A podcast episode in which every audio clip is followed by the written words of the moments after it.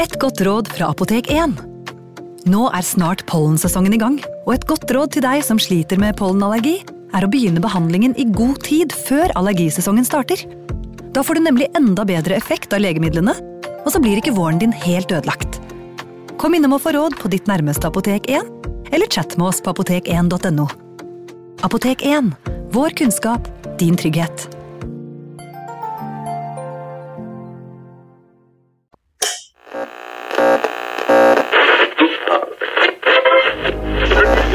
Vi skal gjenta særmeldingen i dag. Nummer én Kjerringa er galen. Nummer to På ski over lyng og kvast. Nummer tre Baklengs inn i aftensangen. Baklengs inn i aftensangen. Vi skal til eh, Oslo vest, beste vestkant, eh, og 1944, og da en maimorgen, eh, Eirik Veum. Mm, 24. mai. En eh, vakker vårdag, kanskje, da. Det var en onsdag. Ja, mai er ofte fint i hele Norge, da. Mm. Det er en mann som er på vei ned noen trapper her, og det er i Ja, på Frogner. Langgårdsgate 1. Mm. Jeg vet, ikke jeg vet ikke akkurat hvor det er, men jeg vet hvor Vestkanttorget er. Rett ved Vestkanttorget. Mm, det er en, eh, en bygård, en veldig vakker bygård, vakker bygning. Den står fortsatt. Ja. Og eh, den er oppført i sånn nyklassisistisk stil. Så eh, den ga den et veldig sånn eksklusivt preg, og det, det har den i og for seg ennå, Ja. den bygården. Mannen som var på vei ned trappen, var 39 år gammel, het Gunnar Lindvik. Mm. Og hvem var det for en type? Nei, han var en 39-årig eh, inspektør i statspolitiet. Jobba i, eh, i Oslo-avdelingen. Statspolitiet, som vi har eh, lært, er de som jobbet måte, for Tysklands interesser mot Ja. Som kunne true mm, nye, nye, nye, makthaverne. Ja, det var vi kan kalle det Nasjonal Samling og Vidkun Quislings politiske politi. Så de jobba i og for seg for å ivareta da okkupasjonsregimet og, og da eh, nazistenes eh, eh, nye Norge, da. Det var, det var, statspolitiet var bare nordmenn, Ja, ikke sant? det var bare nordmenn, og de besto av omtrent 1000 tjenestemenn og noen få kvinner da, fordelt over hele landet, men selvfølgelig da de største avdelingene var i byene, og, og særlig i Oslo. Statspolitiet mm, var jo ment da til å være et alternativ til det tyske sikkerhetspolitiet, men etter hvert så jobbet de veldig tett sammen. De Ja. gjorde de i og for seg fra, fra veldig tidlig.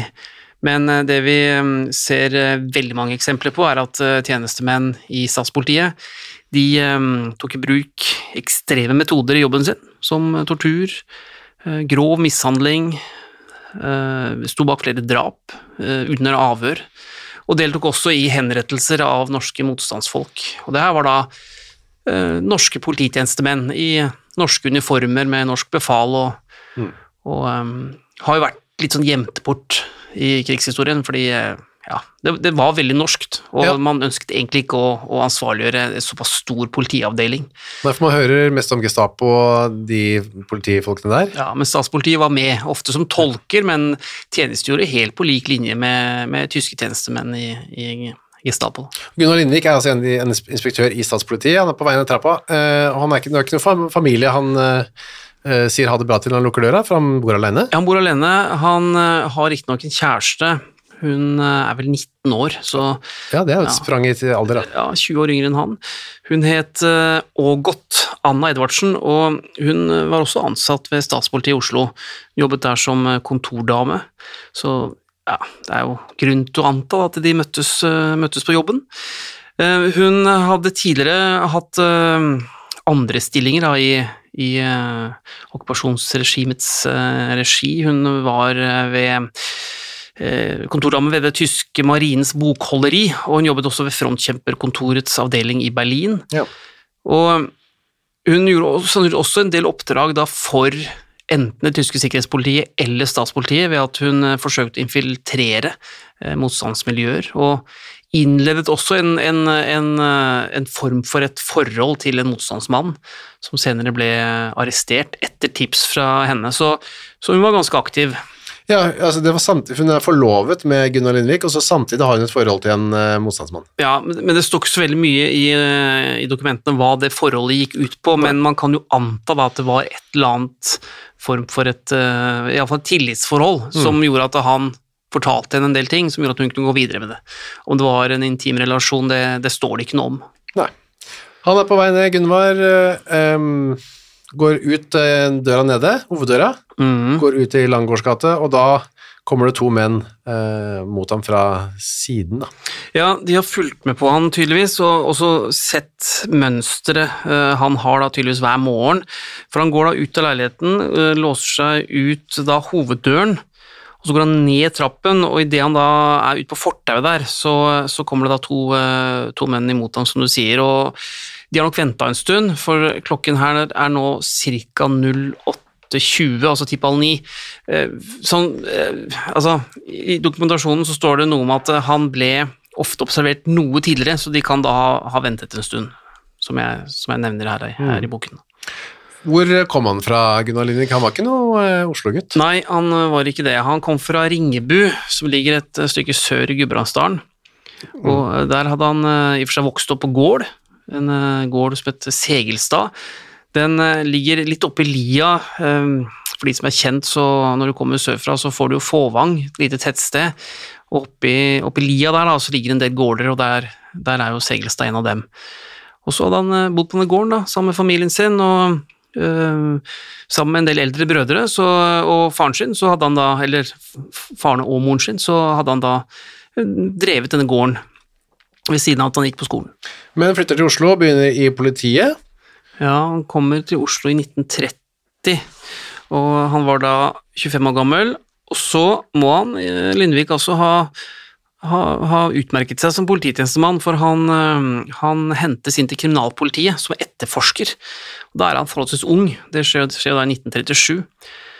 Og ja, i motsetning til en del andre av sine kolleger, da, så fortsetter jo da Gunnar Lindvik i politiet etter øh, april 1940, altså etter at Norge blir okkupert. Ja, melder seg inn i NS, blir med i Hirden. Mhm. Drar til Tyskland på en studietur i 1940. Ja, og det, det der er kanskje et, et lite vendepunkt, fordi da da er han altså i, en form for en sånn utdanningssituasjon hvor han kurses av det tyske sikkerhetspolitiet Mm, I Tyskland. i Tyskland, eh, som da i og for seg Gestapo er en del av. Og eh, der lærer de både å bekjempe vanekriminalitet, men også hvordan man skal håndtere trusler mot et lands befolkning mm. eller myndigheter. Og i Tyskland på 30- og 40-tallet så vet vi jo hva det var. Det handlet jo om annet å arrestere jøder, alle motstandere av det tyske naziregimet, Ja. og eh, få de til å forsvinne på en eller annen måte. Og det ble, den kursingen kom godt med da han etter hvert gikk over til statspolitiet, da. Mm, han er en av de første som går inn der, allerede sommeren 1941. Ja. For Gunnar Lindvik så var jo det en eh, riktig ting å gjøre. Han, eh, han rykker eh, veldig raskt oppover i gradene, og blir eh, i og for seg forholdsvis veldig sentral. Han blir leder for en prestisjeavdeling som jobber i og for seg mot miljøer som driver med sabotasje. De jobber også en del med såkalte politiske saker, altså det de kaller da, trusler og terror mot okkupasjonsmyndighetene, det vi i dag omtaler som motstandsarbeid. Så um, utnevnelsen av at, av at han ble inspektør skjedde allerede i, i januar 1942, og uh, da kom han i og for seg ganske høyt opp da, i statspolitiets uh, Oslo-avdeling. Og var en fetter som gjorde det bra eh, i enda mer direkte tysk tjeneste. Ja, fetteren hans het eh, Olaf Trygve Lindvik. Han var jo i og for seg også først ansatt i Oslo-politiet, men, eh, men Olaf han gjorde etter hvert eh, karriere i Waffen SS som frontkjemper. Han ble eh, offiser både i Den norske legion og i eh, SS Pansergrenaderregiment Norge. Og han ble faktisk, altså Olaf Trygve, da, han ble en av- de nordmennene som etter hvert fikk den høyeste offisersgraden i Waffen SS, altså av nordmenn. Og um, han ble også i og for seg ganske kjent, uh, en sånn, ja, jeg vil kalle det en kjendis. da, Han uh, beskrevet mye om han i avisene, han uh, hadde da en kapteinsgrad. Ja. Etter hvert så ble han også, um, også en slags stabsleder i det som het germanske SS Norge, og hadde da altså denne, denne graden da SS Hauptsturmführer, som, som ja, da var, var han en høyere offiser, rett og slett. Han var Gunnar Innvik, da. Også, begge de to fetterne var da godt uh, trygt plassert på tyskernes uh, side, og jobbet uh, så godt de kunne da, for å fremme deres interesser, og mot de som jobbet mot tyskernes interesser. Så godt at motstandsbevegelsen etter hvert ikke var så veldig glad i Gunnar Lindvik, da. Nei, absolutt ikke. Han ble etter hvert eh, en person som motstandsbevegelsen eh, i Oslo-området eh, fryktet, og de vurderte ham jo som en, ja, alvorlig trussel. Og gjennom aksjoner Gunnar Lindvik deltok i, på en eller annen måte, så var han med på å påføre det illegale motstandsmiljøet da i Oslo-området betydelig tap gjennom opprullinger, arrestasjoner, og, og, og aksjoner da, som, som ja, reduserte evnen til å drive motstandsarbeid. Ja, han var også en av de som ordnet eh, transporten til, eh, ned til eh, utstikkeren på Vippetangen Mm. i november 42, da jødene skulle ut av landet. Så Ja. skaffet han drosjene. Ja, han eh, var sentral der, og eh, var jo da med på å, å få 100 drosjer til å stille opp, til å kjøre jødene inn i, ja, inn i døden. I, i døden, ja. Så var det en annen hendelse som kanskje, jeg vet ikke om det er uh, selve liksom, eh, vippepunktet, eller hva det er, i hvert fall en, nok en, um, ja, en slags spiker i kista da, for Gunnar Lindvik. Det er at han leder en henrettelse.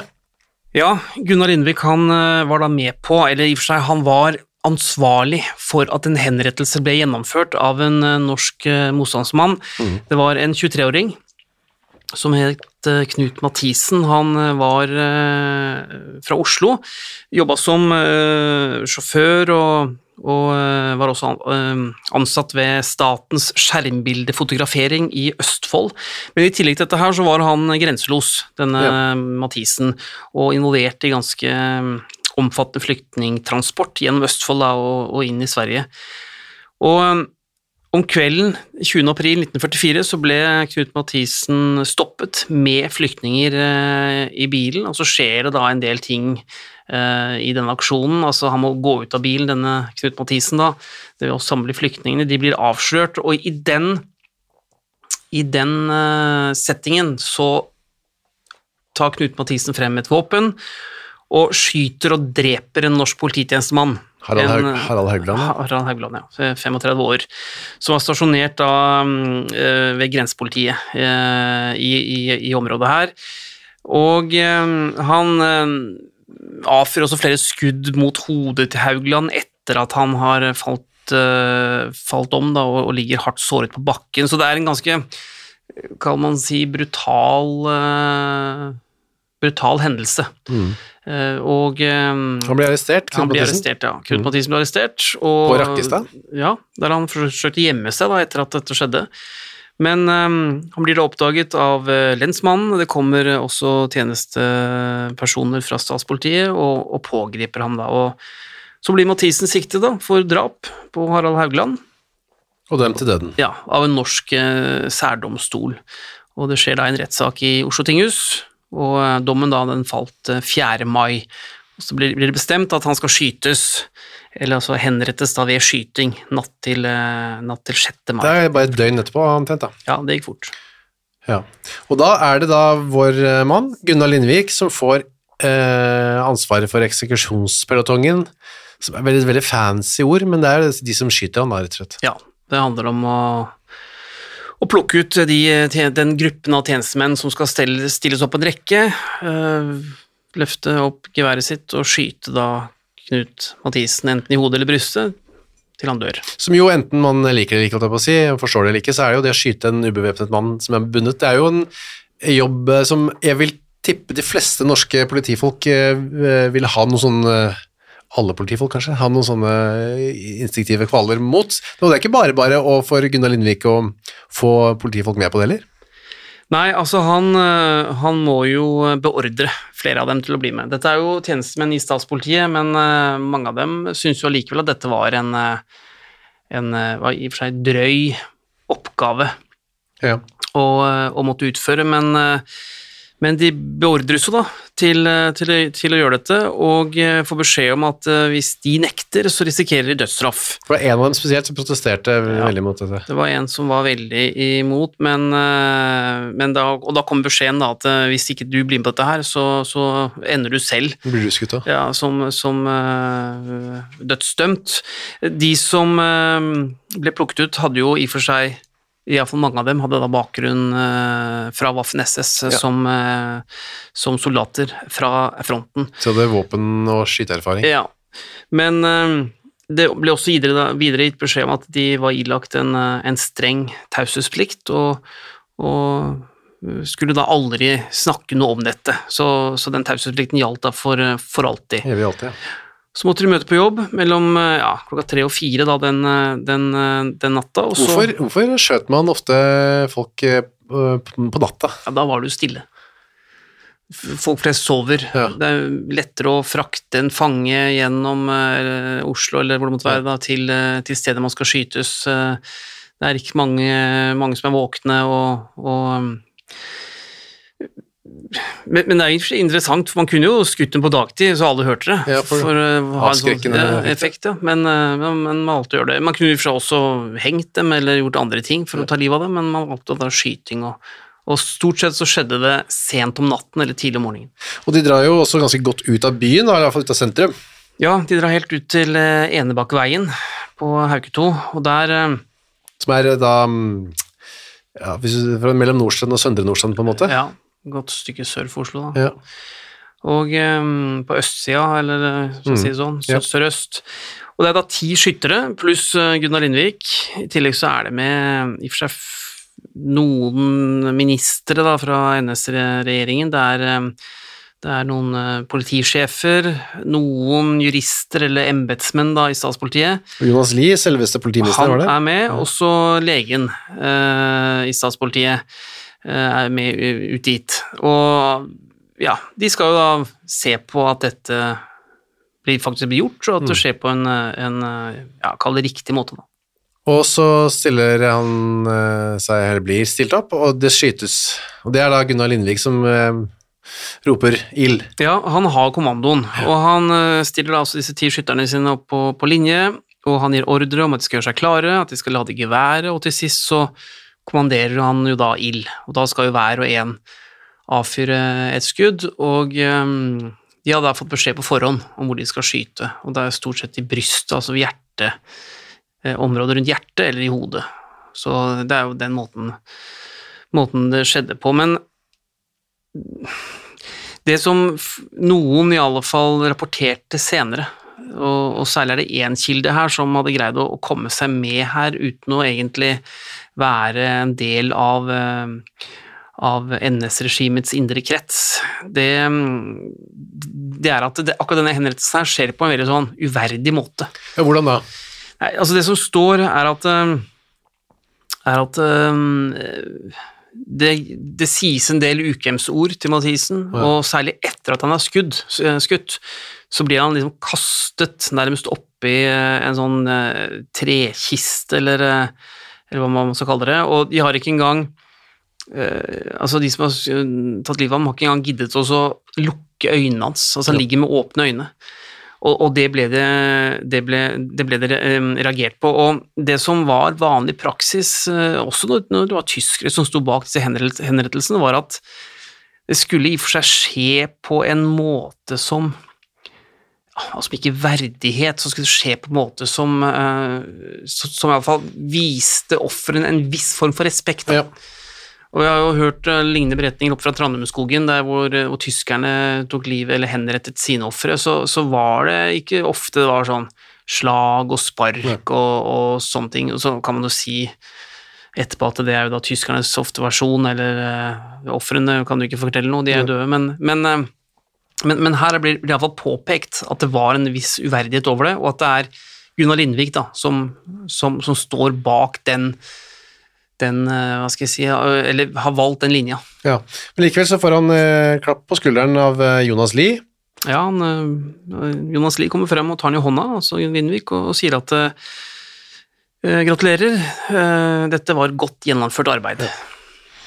Så han hang seg ikke opp i denne uverdigheten her, han da, Jonas Lie. Nei, og um, så skjer det jo det som man i og for seg så mye seinere også. altså Denne kisten da kjøres jo i og for seg ikke til noe gravplass eller noe sånt. Den, den havner i, i statspolitiets eh, garasje på Victoria terrasse. Ja. Og der, eh, der blir den stående en stund, og så blir den frakta til et krematorium, og så, og så brent der. Og, og eh, oppdraget her var jo strengt hemmelig, men, eh, men etter hvert så kommer det jo frem, da, eller det blir iallfall kjent for motstandsbevegelsen, eh, hva som hadde skjedd, og hvem de involverte var. Og var det da kanskje man bestemte seg for at nei, nå skal vi ta Gunnar Lindvik? Ja, iallfall så, um, så uh, er nok dette med på Det er denne hendelsen her som trekkes frem Ja. som en av årsakene til at man har bestemt da, uh, seg for at, at Lindvik skal likvideres. Og um, jeg kan også si at kilden da, til hvordan denne henrettelsen ble gjennomført, og hva som skjedde der, og dette med denne uverdigheten og sånn, det ser ut til å ha vært en, en, uh, en uh, fullmektig hos Riksadvokaten.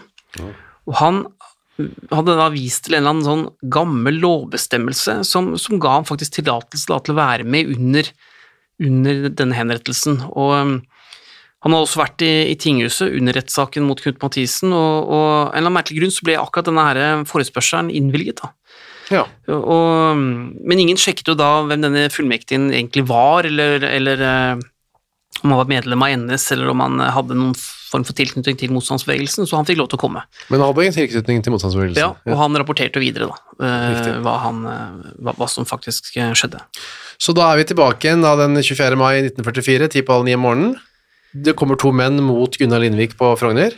Ja. Og hvem er det? Det er Andreas Aubert, det, Ja. vi, det vet vi. Han er vi sikre på, han, han var der, men så er det litt usikkerhet rundt hvem de Eller hvem den andre var. Det er tre navn som går igjen. Det, det kan ha vært eh, en av medhjelperne hans, eh, Jakob Jacobsen, som ofte var med eh, på disse aksjonene. Det kan også ha vært en som heter Erik Hansen Bakke. Um, Men eh, det dukker også et tredje navn opp. En, en, altså han som var eh, Andreas Auberts faste makker, det var Henrik Henriksen. Ja. Så en av disse, eller en av de tre, eh, var med sammen med, med Aubert. Men jeg er litt grann usikker på, på hvem, men det er i og for seg ikke viktig. Det, Andreas Aubert var uansett, han var 33 år og var sjefen da. ja, han, eller han, var, han, var, han, var, ledende i, Mm. i, i, i de Aksjonene. aksjonene som han var med på. Kompani Linge-folk, begge to. Ja. Og gikk under navnet til gruppen, da, Buzzard. Vi har vært Ja. innom de før. Ja. Ok, så de to går mot Gunnar Lundvik. Han skjønner vel ikke helt hva som skjer, han?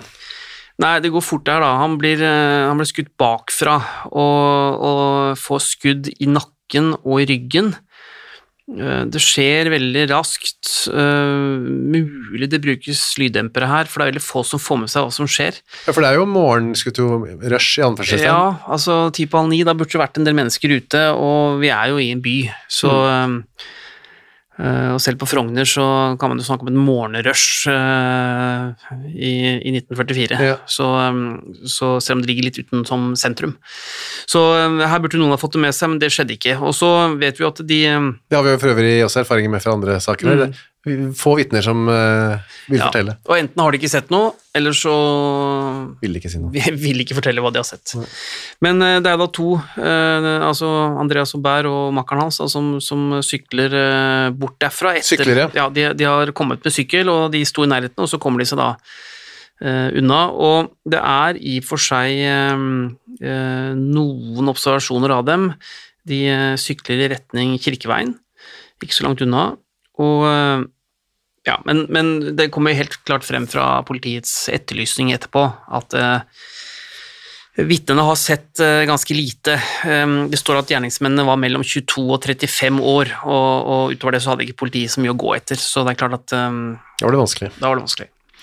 Dette var, som du skriver i boka di, da, de kalte dem råtjegere, så er dette første likvidasjonen eh, mot noen i statspolitiet som er foregår i offentligheten. Vi har jo Tofteberg, eh, som vi husker fra forrige runde, men det var på kontoret. Ja, og det var jo en, um, en bombeaksjon som selv om man hadde et klart mål der, så kan det allikevel fremstå som litt tilfeldig. Og uh, her var det, hva skal vi si, kanskje oppfattet som mer brutalt. Man hadde tydeligvis eh, et, eh, et klart offer som hadde pekt seg på forhånd, spanet på, og hvis noen statspolititjenestemenn trodde at de var trygge fordi de var nettopp det, statspolititjenestemenn, eller at man hadde så gode rutiner rundt seg selv at man ikke kunne angripes på åpen gate av et likvidasjonslag, så fikk man i hvert fall bevist nå at jo, det, det kunne man. Ja. Og eh, det førte i og for seg til en del reaksjoner også internt i statspolitiet. Iallfall kommer, eller står det tydelig i det i rapportene, eh, også de interne rapportene, hvor det står at eh, mange av tjenestemennene begynte å kjenne på en, en utrygghet. Ja. Og etter hvert så, eh, etter det her, så, eller etter den hendelsen, så kommer det klart frem at flere av tjenestemennene de ber om, om sikkerhetstiltak rundt seg selv, og ikke minst familiene sine. Mm. Så, um, så det fikk konsekvenser.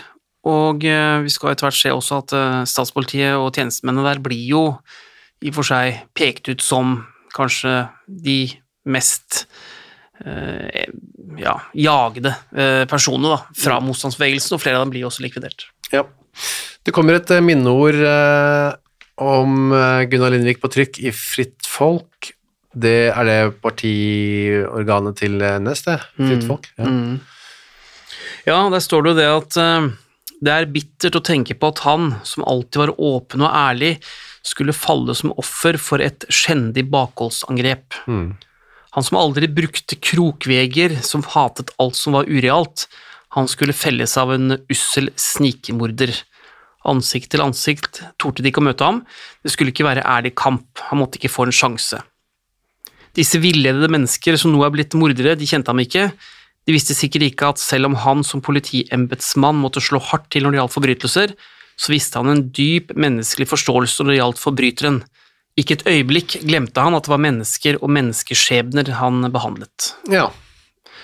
Det var jo vakre ord, men eh, Det var ikke helt sånn det framstod under den henrettelsen, kanskje, på, av Knut Mathisen. Nei, og det er heller ikke slik eh, rapportene om ham eh, forteller. Da. Altså, det er ikke det bildet som, som, er, som er skapt av ham i forkant av likvidasjonen.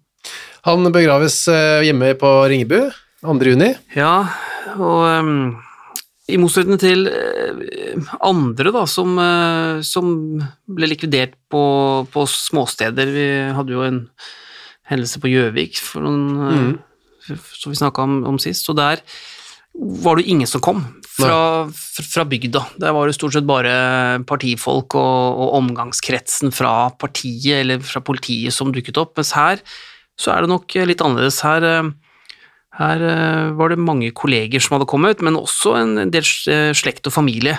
Og folk fra bygda. Og fra, og, ja, og fra bygda. Og, og, men allikevel så var jo hele gravferden preg av å være en eh, begravelse av en uh, statspolititjenestemann som eh, også sto høyt uh, oppe i Nasjonal Samling. Det var uh, ja, Politiminister Jonas Lie var jo der, som også var til stede i, under den henrettelsen av Mathisen. Det var jo um, flere blomsterkranser fra Vidkun Quisling der, Josef Terboven, Justisdepartementet, Politidepartementet, Hirden, NS, altså, og også mange tyske politiavdelinger. Så, så dette var jo en, en, en typisk ja, begravelse regissert av Nasjonal Samling. Ja.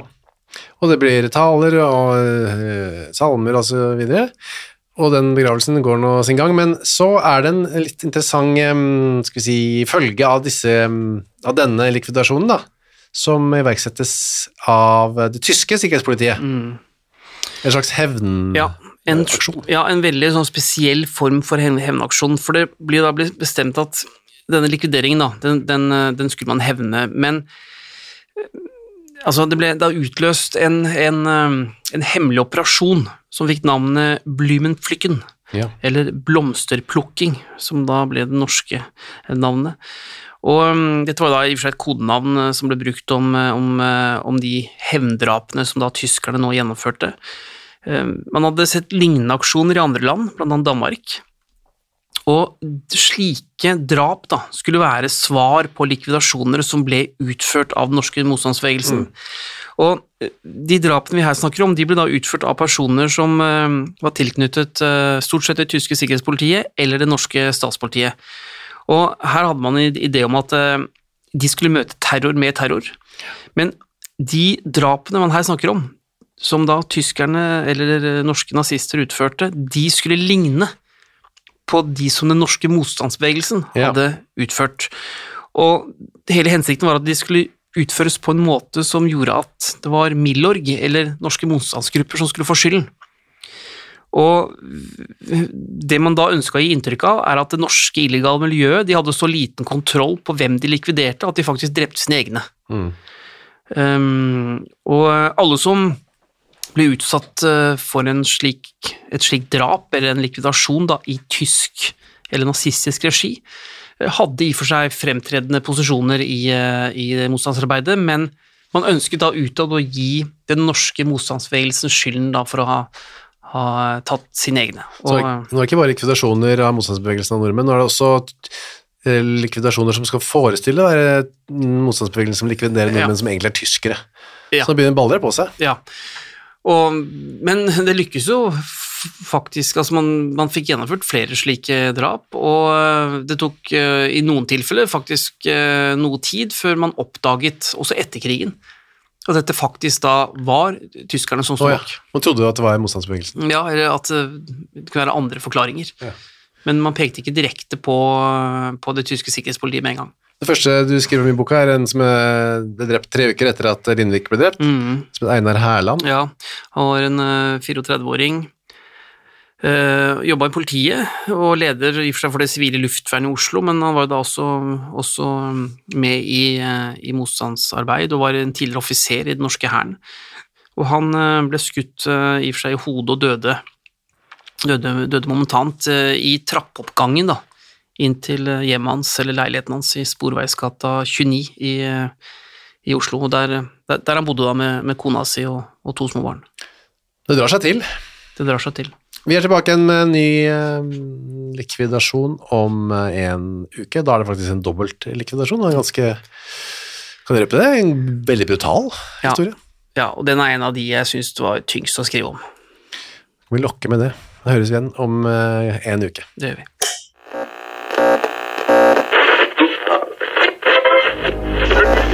Vi skal gjenta særmeldingen i dag. Nummer én Kjerringa er galen. Nummer to På ski over lyng og kvast. Nummer tre Baklengs inn i aftensangen. Baklengs inn i aftensangen.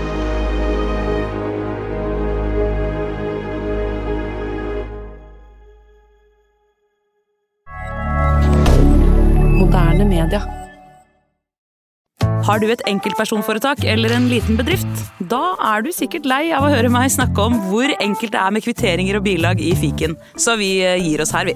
Fordi vi liker enkelt. Fiken superenkelt regnskap.